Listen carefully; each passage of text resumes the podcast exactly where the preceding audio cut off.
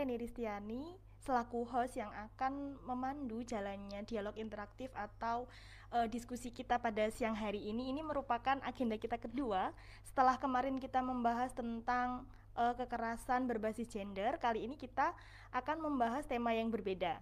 Nah, untuk kegiatan ini kemarin belum ada namanya, tapi sekarang udah ada, udah ada namanya. Uh, kegiatan ini bernama baper. Apa itu baper? Bincang asik tentang perempuan. Nah, sebenarnya tema ini uh, apa ya?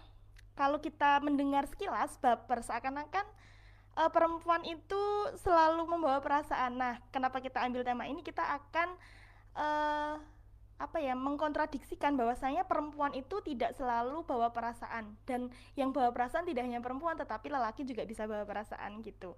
Nah, untuk baper episode 2 ini kita akan membahas tema tentang kekerasan dalam rumah tangga. Kira-kira apa sih kekerasan dalam rumah tangga itu? Uh, Oke, okay, nanti kita akan berdialog dengan seorang narasumber yang telah hadir bersama saya. Eh, kawan-kawan uh, mungkin banyak beberapa udah mengenalnya beliau bernama Mbak Nihayatul Mukarumah dia beliau uh, sering disapa dengan sapaan Mbak Niha halo Mbak Niha Hai Leni. Halo apa kabar Mbak? Apa kabar Mbak? Alhamdulillah sehat. Ya. Mbak Niha bisa menyapa kawan-kawan yang menyaksikan live kita? Baik uh, halo kawan-kawan. Uh, kali ini saya sama uh, Leni akan berbincang-bincang tentang kekerasan dalam rumah tangga. Uh, nanti kawan-kawan bisa menyimak ya. Hmm. Nah, kawan kan juga mungkin banyak yang meng belum mengetahui apa sih itu kekerasan dalam rumah tangga atau yang biasa kita dengar dengan sebutan KDRT. Kita akan belajar bersama sesuai dengan pengalaman-pengalaman yang yang dilakukan oleh LRC KJHAM. Nah, mungkin Mbak Niha kesibukan akhir-akhir ini apa ya Mbak akhir-akhir ini? Oke, uh, kalau kesibukan mungkin uh, hampir sama gitu ya, uh, karena saya memang di divisi bantuan hukum mm-hmm. gitu ya, Len. Uh, saya memang fokus untuk uh, pendampingan perempuan korban kekerasan, mm-hmm. uh, memang sesuai dengan uh, kerja-kerja di divisi gitu ya. Mm-hmm. Kemudian juga beberapa ada program untuk uh, jaminan perlindungan hak asasi perempuan uh, dalam proses hukum gitu. Dan hmm. sampai ini juga kita masih mengadvokasi gitu ya. Artinya memang uh, bagaimana memastikan uh, ketika ada perempuan -hmm. korban kekerasan itu mendapatkan jaminan perlindungan gitu ya. Uh, kalau ini uh, fokusnya ke proses, proses pidana okay. kayak gitu.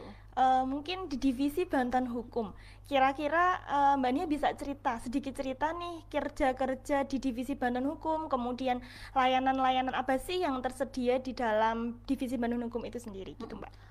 Uh, kalau di divisi bantuan hukum uh, karena memang kita uh, lebih banyak fokus ke pendampingan perempuan hmm. korban kekerasan uh, kita ada layanan pendampingan hmm. terus kemudian ada layanan konseling uh, kemudian juga uh, apa namanya uh, mendampingi proses hukum yang yang dipilih oleh korban gitu ya ketika hmm. uh, si korban ini memang memilih proses hukum ataupun uh, proses dia pemulihan secara psikologis kayak gitu. Nah, kemudian juga tadi sedikit kusampaikan bahwa uh, kita juga sedang uh, ini ya mendorong proses kebijakan di pemerintah gitu sebenarnya juga bareng-bareng sama teman-teman di divisi advokasi hmm. gitu ya saling kolaborasi gitu ya ya betul banget gitu ya uh, kita memang sering kerja berkolaborasi gitu ya hmm. uh, memang ada satu program yang uh, bagaimana uh, sebuah kebijakan itu bisa menjamin hak perlindungan perempuan korban kekerasan hmm.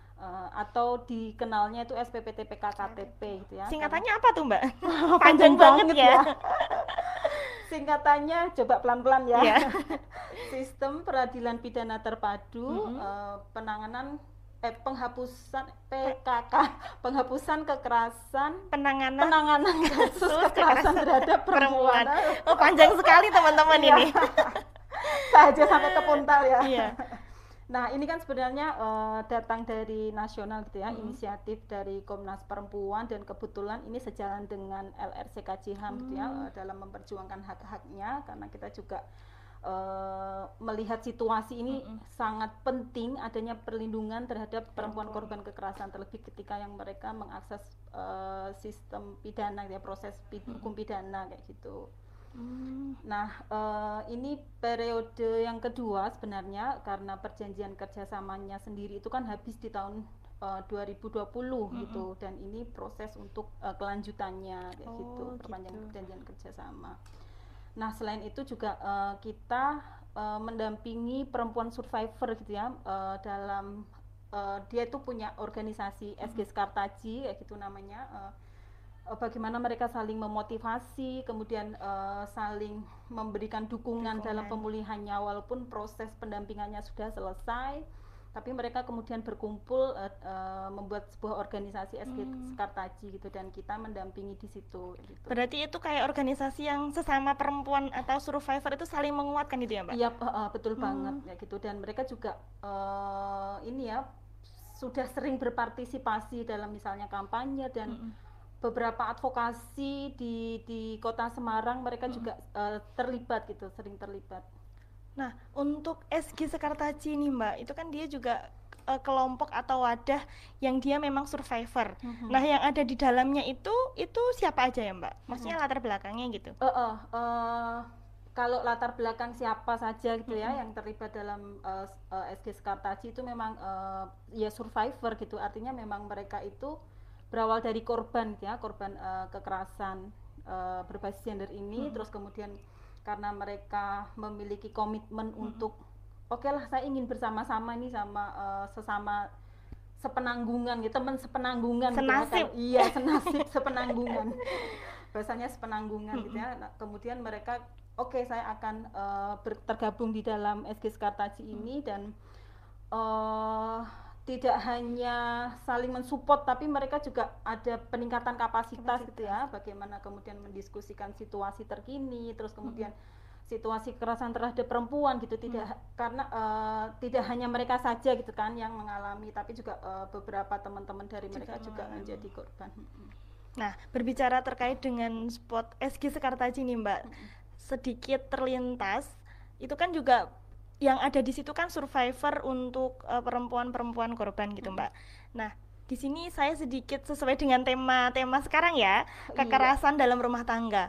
Mungkin kawan-kawan semua juga masih pada kepo dan hanya sekedar mendengar KDRT tetapi tidak mengetahui sebenarnya KDRT itu definisinya apa sih kemudian uh, kekerasan-kekerasan yang ada di, di dalam rumah tangga itu seperti apa sih? Mungkin Mbak Nia bisa cerita terkait dengan definisi KDRT Mbak. Nah, uh, ini ya kalau KDRT hmm. sendiri gitu ya, uh, kita mungkin bisa merujuk pengertiannya itu di uh, Undang-Undang PKDRT ya, penghapusan kekerasan dalam rumah tangga gitu. Nah, kalau kita coba lihat di situ memang ada beberapa unsur gitu ya, uh, hmm. kekerasan dalam rumah tangga itu uh, setiap perbuatan gitu ya yang hmm. yang menyasar pada seseorang dan uh, terlebih adalah perempuan gitu yang yang berakibat atau berdampak itu pada fisik, psikis, seksual, uh, kemudian uh, dan atau penelantaran.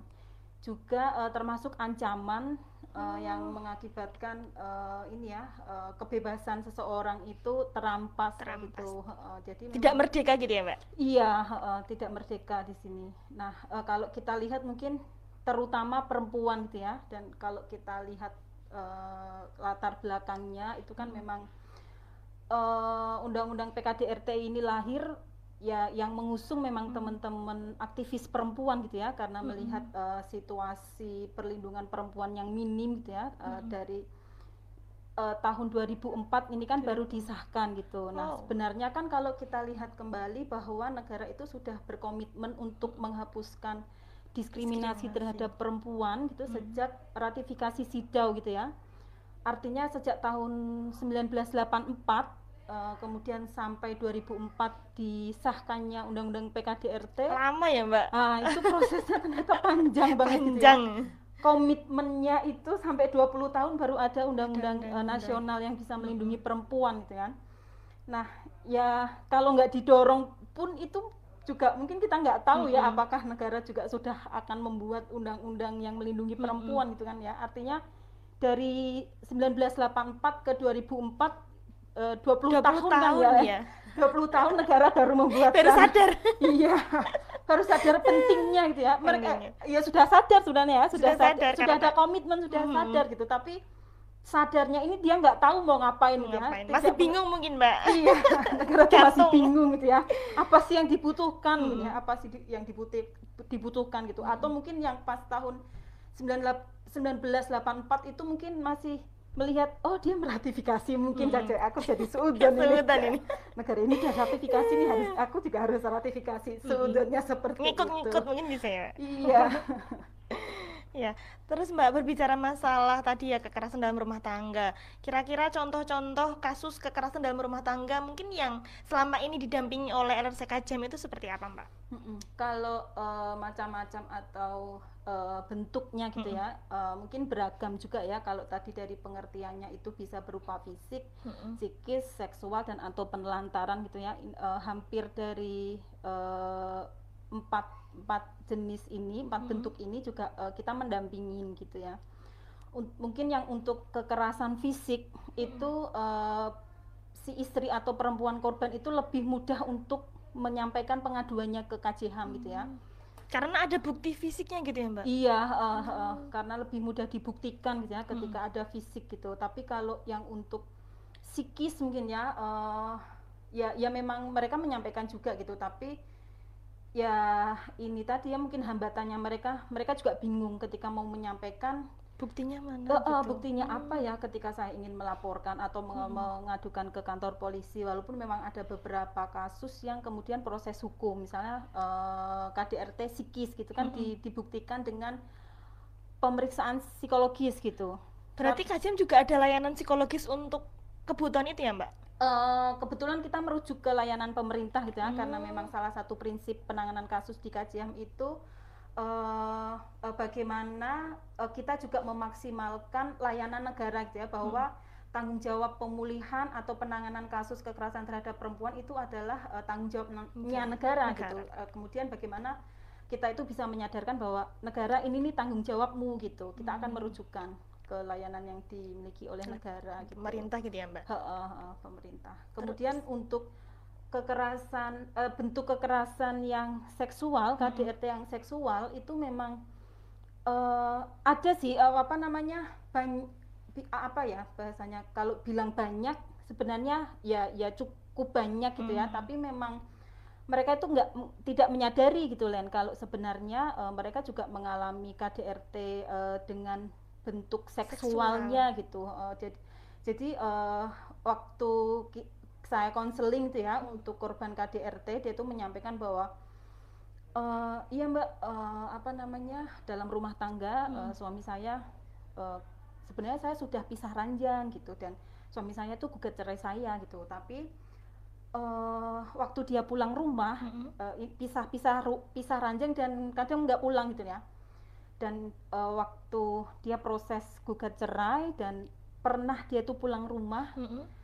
eh, mengajak hubungan seksual gitu ya lah mbaknya gimana kayak gitu ya saya mau karena saya eh, nganggap bahwa i- dia masih status Suami. suami dengan saya gitu karena secara hukum saya masih sah dia menganggap seperti itu Mm-mm.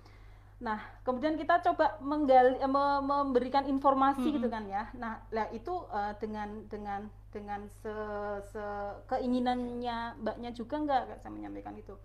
Ya enggak, karena dia memaksa itu. Nah, dan dia nggak sadar bahwa itu meru- merupakan bentuk pemaksaan, Pemaksaan. seksual dalam rumah tangga kayak gitu. Ada juga yang yang dia tuh nggak sadar gitu bahwa dia menjadi eh, eh, korban seksual dalam rumah tangganya. Hmm. Banyak yang kayak gitu. karena Kenapa masih- mereka itu nggak sadar ya Mbak? Maksudnya itu kan pemaksaan, tetapi ap- hal apa yang membuat mereka itu menganggap itu nggak kekerasan gitu?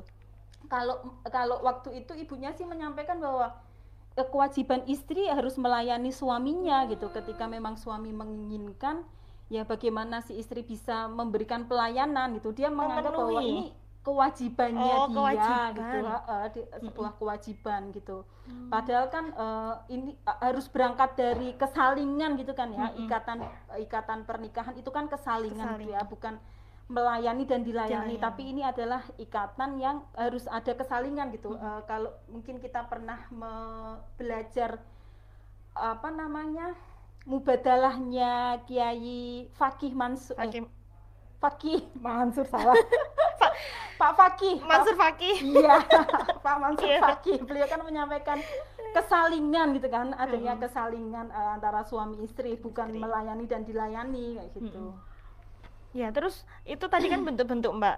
Nah, kira-kira ini situasi-situasi perempuan korban kekerasan dalam rumah tangga itu bagaimana sih, Mbak? Situasi-situasinya. Eh kalau melihat situasinya gitu ya eh, yang yang sering muncul ketika mereka eh, menyampaikan dalam konseling Hmm. eh apa ya em, untuk ketika mereka menjadi korban gitu ya untuk menyampaikan ke seseorang atau mengadukan ke lembaga atau Mm-mm. bahkan membuat keputusan oke saya akan lapor ke polisi misalnya oke saya akan lapor ke lembaga untuk minta Mm. pendampingan nah itu tuh hal yang tidak mudah gitu Len artinya mereka harus eh, ber- memikirkan banyak hal Hmm. tidak hanya memikirkan dirinya atau perasaannya, tapi juga memikirkan bagaimana nanti dengan anak saya, bagaimana nanti dengan keluarga besar saya, bapak ibu saya, kakak saya, adik saya, dia akan memikirkan banyak hal gitu. Jadi mungkin ketika eh, dia mendapatkan kekerasan fisik sekali, Mm-mm. dia akan berpikir ulang. Em, mungkin suami saya hilaf dan mungkin nanti dia akan, Akan minta berubah. maaf dan berubah eh, memperbaiki gitu ya. Mm-mm. Oke, itu pertama. Terus ada kekerasan kembali yang kedua. Mungkin suami saya akan memperbaiki lagi. Memperbaiki gitu. Saya lagi. akan nah itu mungkin sampai bertahun-tahun bahkan Mm-mm. ada yang sampai puluhan tahun gitu ya. Akhirnya dia baru mau melaporkan gitu.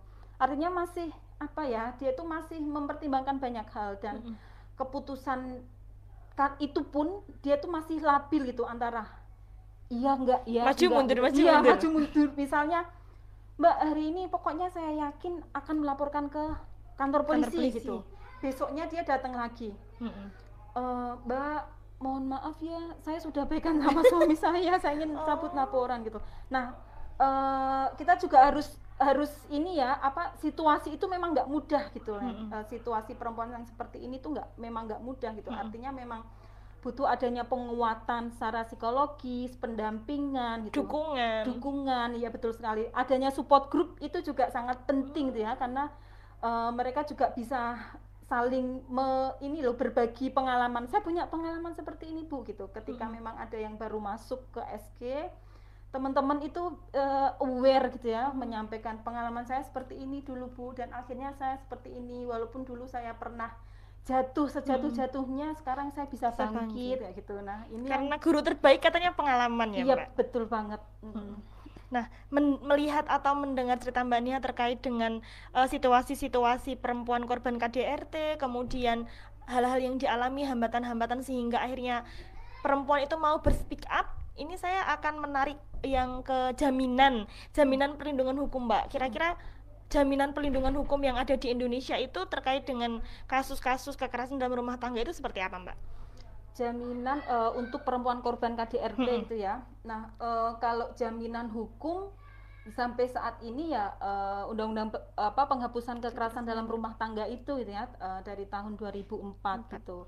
Nah, tapi mungkin juga eh, ada beberapa refleksi dan evaluasi gitu ya terkait dengan eh, implementasi dari undang-undang penghapusan kekerasan dalam rumah tangga ini gitu. Artinya memang eh, dari dari latar belakang memang undang-undang ini di eh, ditujukan untuk melindungi perempuan, dalam rumah tangga gitu ya. Eh, Kalau melihat definisinya sendiri juga kita melihat di situ bahwa setiap perbuatan yang mengarah pada seseorang terutama perempuan, Perempuan. gitu. Namun juga eh, implementasinya ternyata itu eh, ini ya belum sepenuhnya memang memberikan memberikan jaminan, Jaminan. perlindungan hak hak asasi perempuan gitu. Eh, ini kita bisa lihat dari beberapa pengalaman gitu ya perempuan yang korban KDRT dia Mm-mm. melaporkan kasusnya ke kepolisian gitu ya Mm-mm. dia mendapatkan kekerasan fisik gitu. Dan dan ini juga bukan kekerasan fisik yang pertama kali gitu. Artinya memang beberapa kali dia pernah eh, mendapatkan kekerasan fisik ini. Dan mungkin yang yang yang masih sangat mengena gitu ya di hati Hmm. saya pertama kali gabung di KJHAM terus kemudian eh, waktu itu mendampingi perempuan eh, perempuan korban kekerasan fisik ya kekerasan bentuknya fisik, Fisik. gitu ya.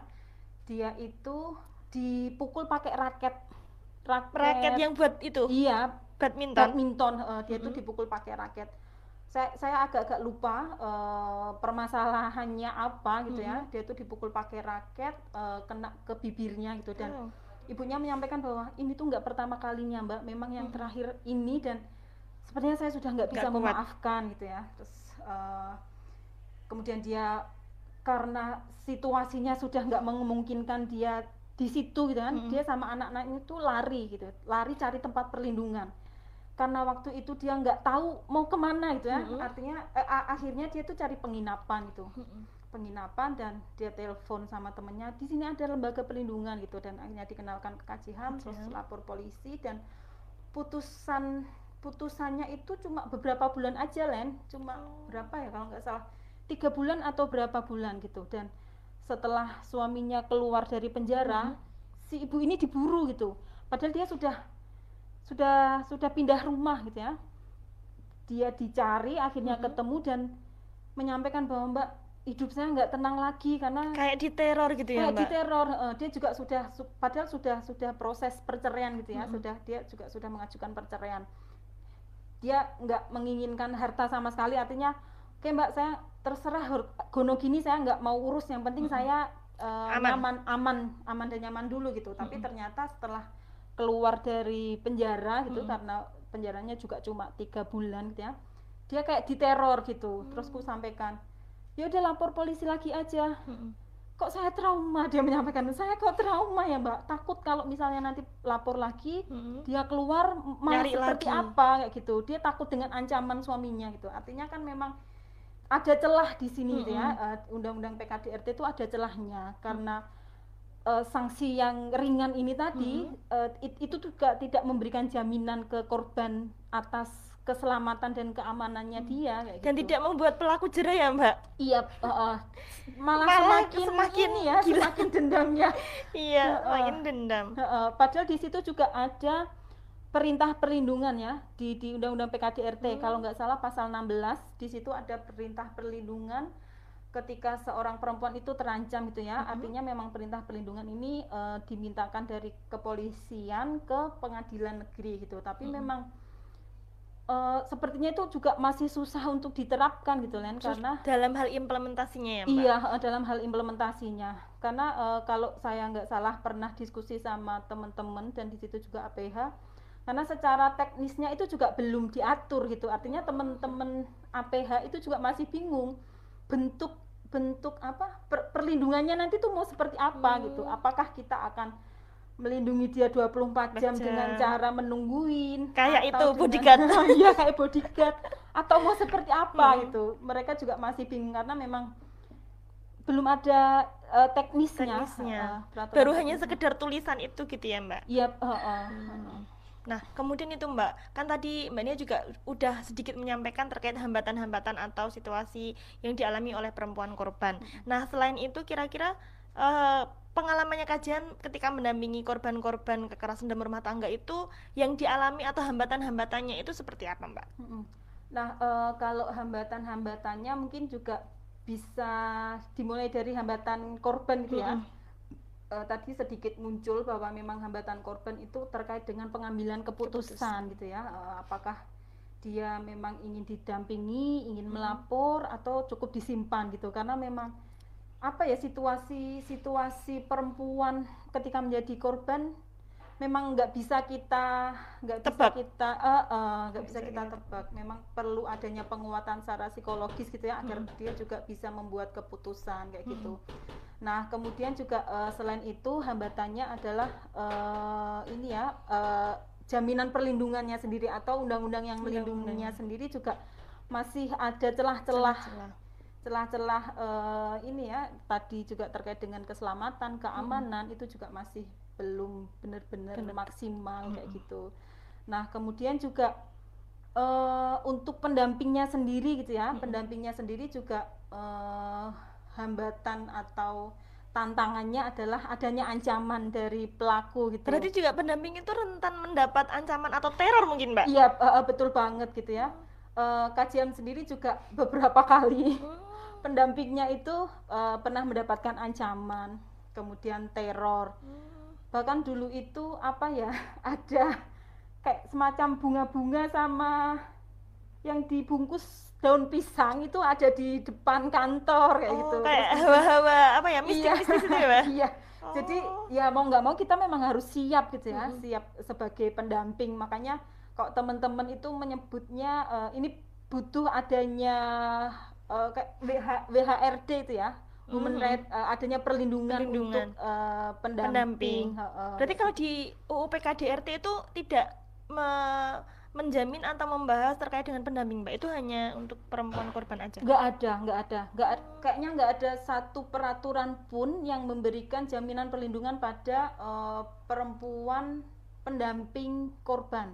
Belum ada. Belum ada satupun peraturan di belum Indonesia, ada Mbak. ya jadi Wah. memang eh, kita bekerja dengan hati kita bekerja dengan tapi memang eh, ya mungkin saat ini teman-teman juga memikirkan bagaimana perlindungan karena itu juga penting, ya Penting karena ya, banyaknya ancaman-ancaman dari pendamping, itu Pendamping. Hmm. kalau mungkin teman-teman advokat itu kan ada ya maksudnya Hmm. eh, jaminan perlindungan eh, teman-teman advokat, Advokat. untuk tidak dilaporkan dia mendapatkan Oh. hak-hak untuk itu itu Mm-mm. tapi kalau pendamping, Pendamping memang- belum ya, Mbak. Mm-mm. Seharusnya memang harus didorong ini para Iya. pendamping-pendamping juga rentan rentan mengalami teror, Mm-mm. ancaman Mm-mm. dari pelaku gitu. Iya. Nah, kemudian itu, Mbak, kan tadi membahas masalah kor perempuan-perempuan korban yang menjadi korban KDRT. Mm-mm. Nah, ini terkait karakteristik atau latar belakang eh, perempuan korban itu kira-kira siapa aja sih yang bisa eh, yang pernah menjadi korban kekerasan dalam rumah tangga, Mbak?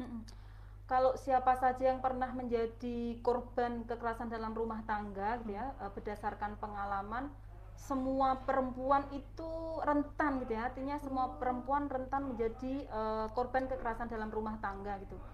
Baik dari yang tidak sekolah, kemudian tamatan SD, tamatan SMP, SMA, sarjana, magister, bahkan dokter, dokter profesi apa pun gitu ya, Hmm. wartawan, eh, bahkan aktivis penggerak Oh. HAM, terus kemudian juga eh, beberapa pekerjaan yang lainnya itu Hmm. juga eh, yang pernah mengadukan ke KJH gitu ya. Artinya memang siapa pun itu eh, bisa menjadi korban, Korban. gitu. Iya betul, siapa pun bisa menjadi korban.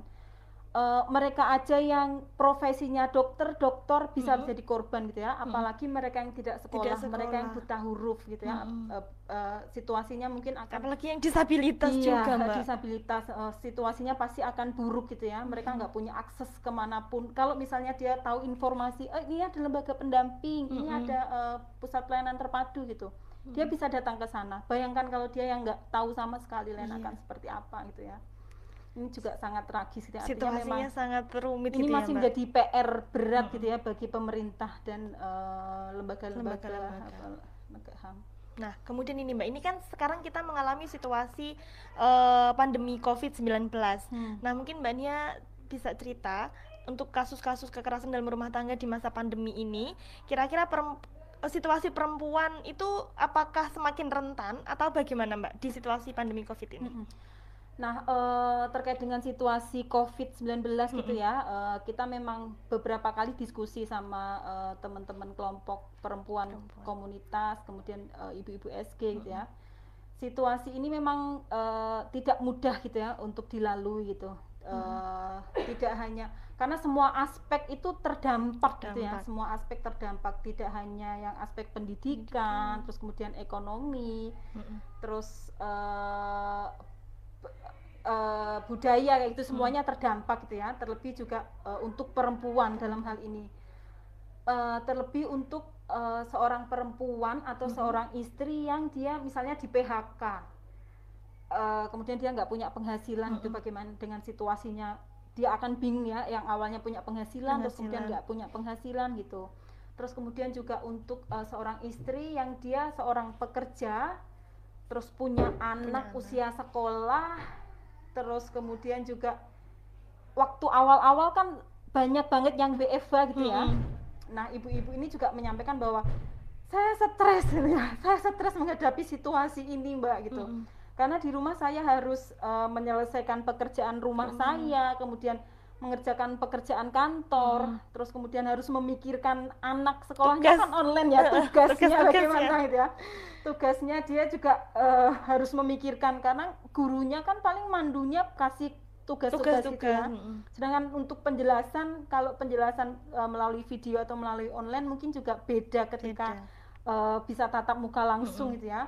Nah, situasi-situasi uh, ini akhirnya mereka merasa beban saya menjadi berganda-ganda gitu, bertumpuk ya. Gitu. Stresnya itu juga makin makin makin banyak gitu.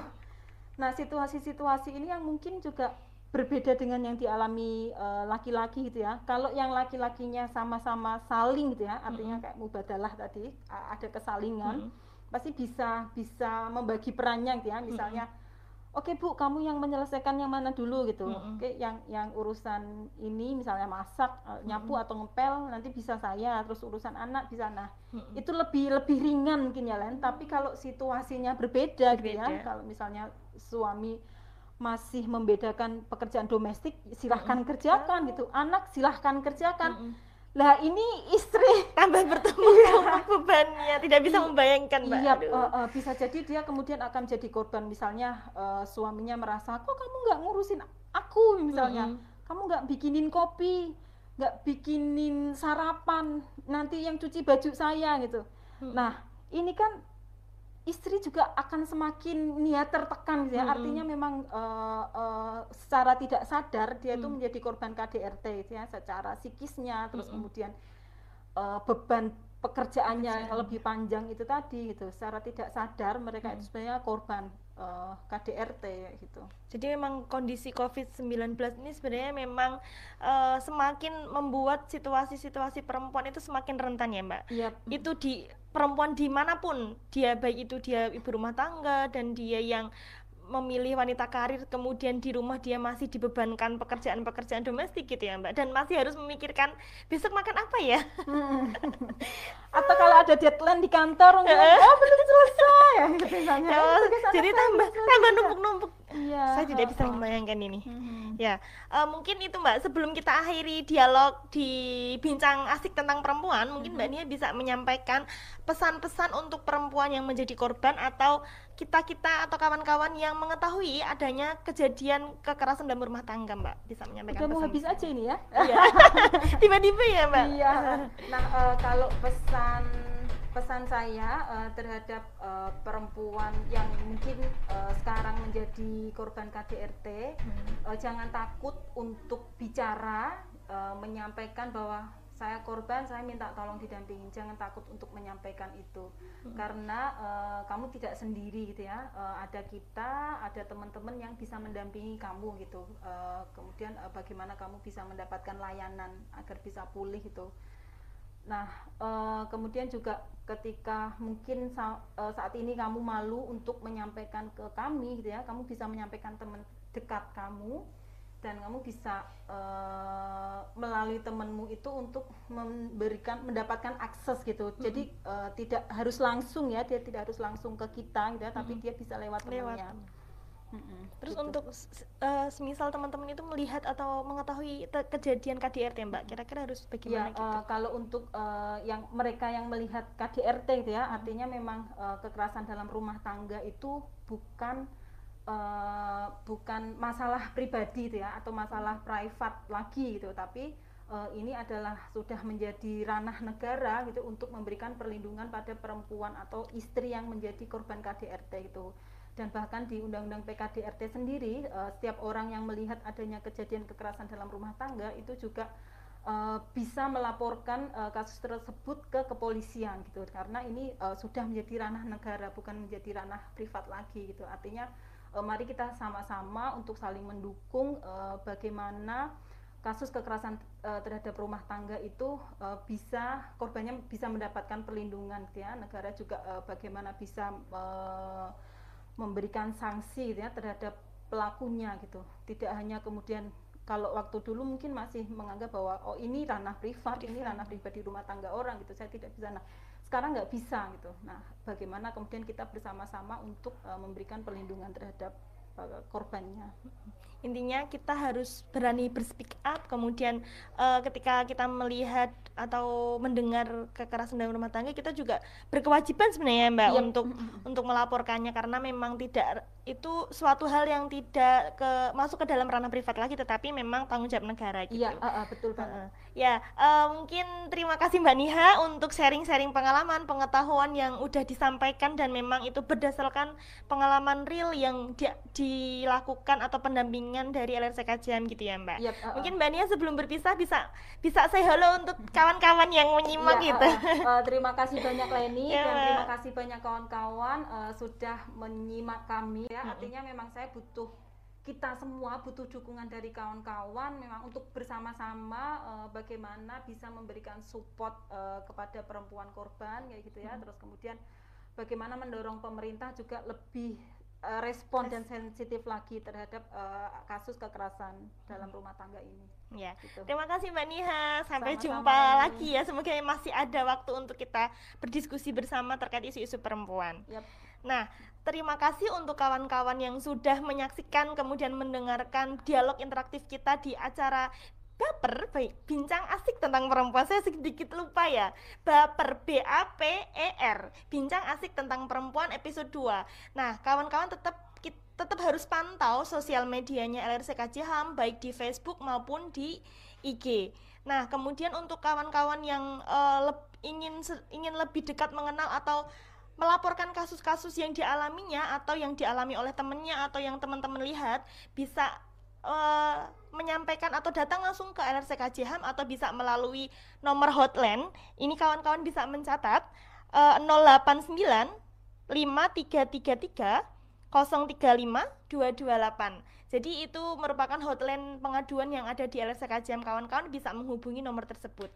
Nah, mungkin itu dari saya selaku host di dalam acara Baper episode 2 ini kita akan jumpa lagi di Baper episode ketiga pada hari Selasa tetap di jam yang sama pukul 14.00 jam 2 siang. Kita akan bertemu lagi kita akan berbincang mengenai isu-isu perempuan dengan tema yang tidak kalah menarik di setiap minggunya. Nah, mungkin itu dari saya. Cukup sekian. Terima kasih. Bye.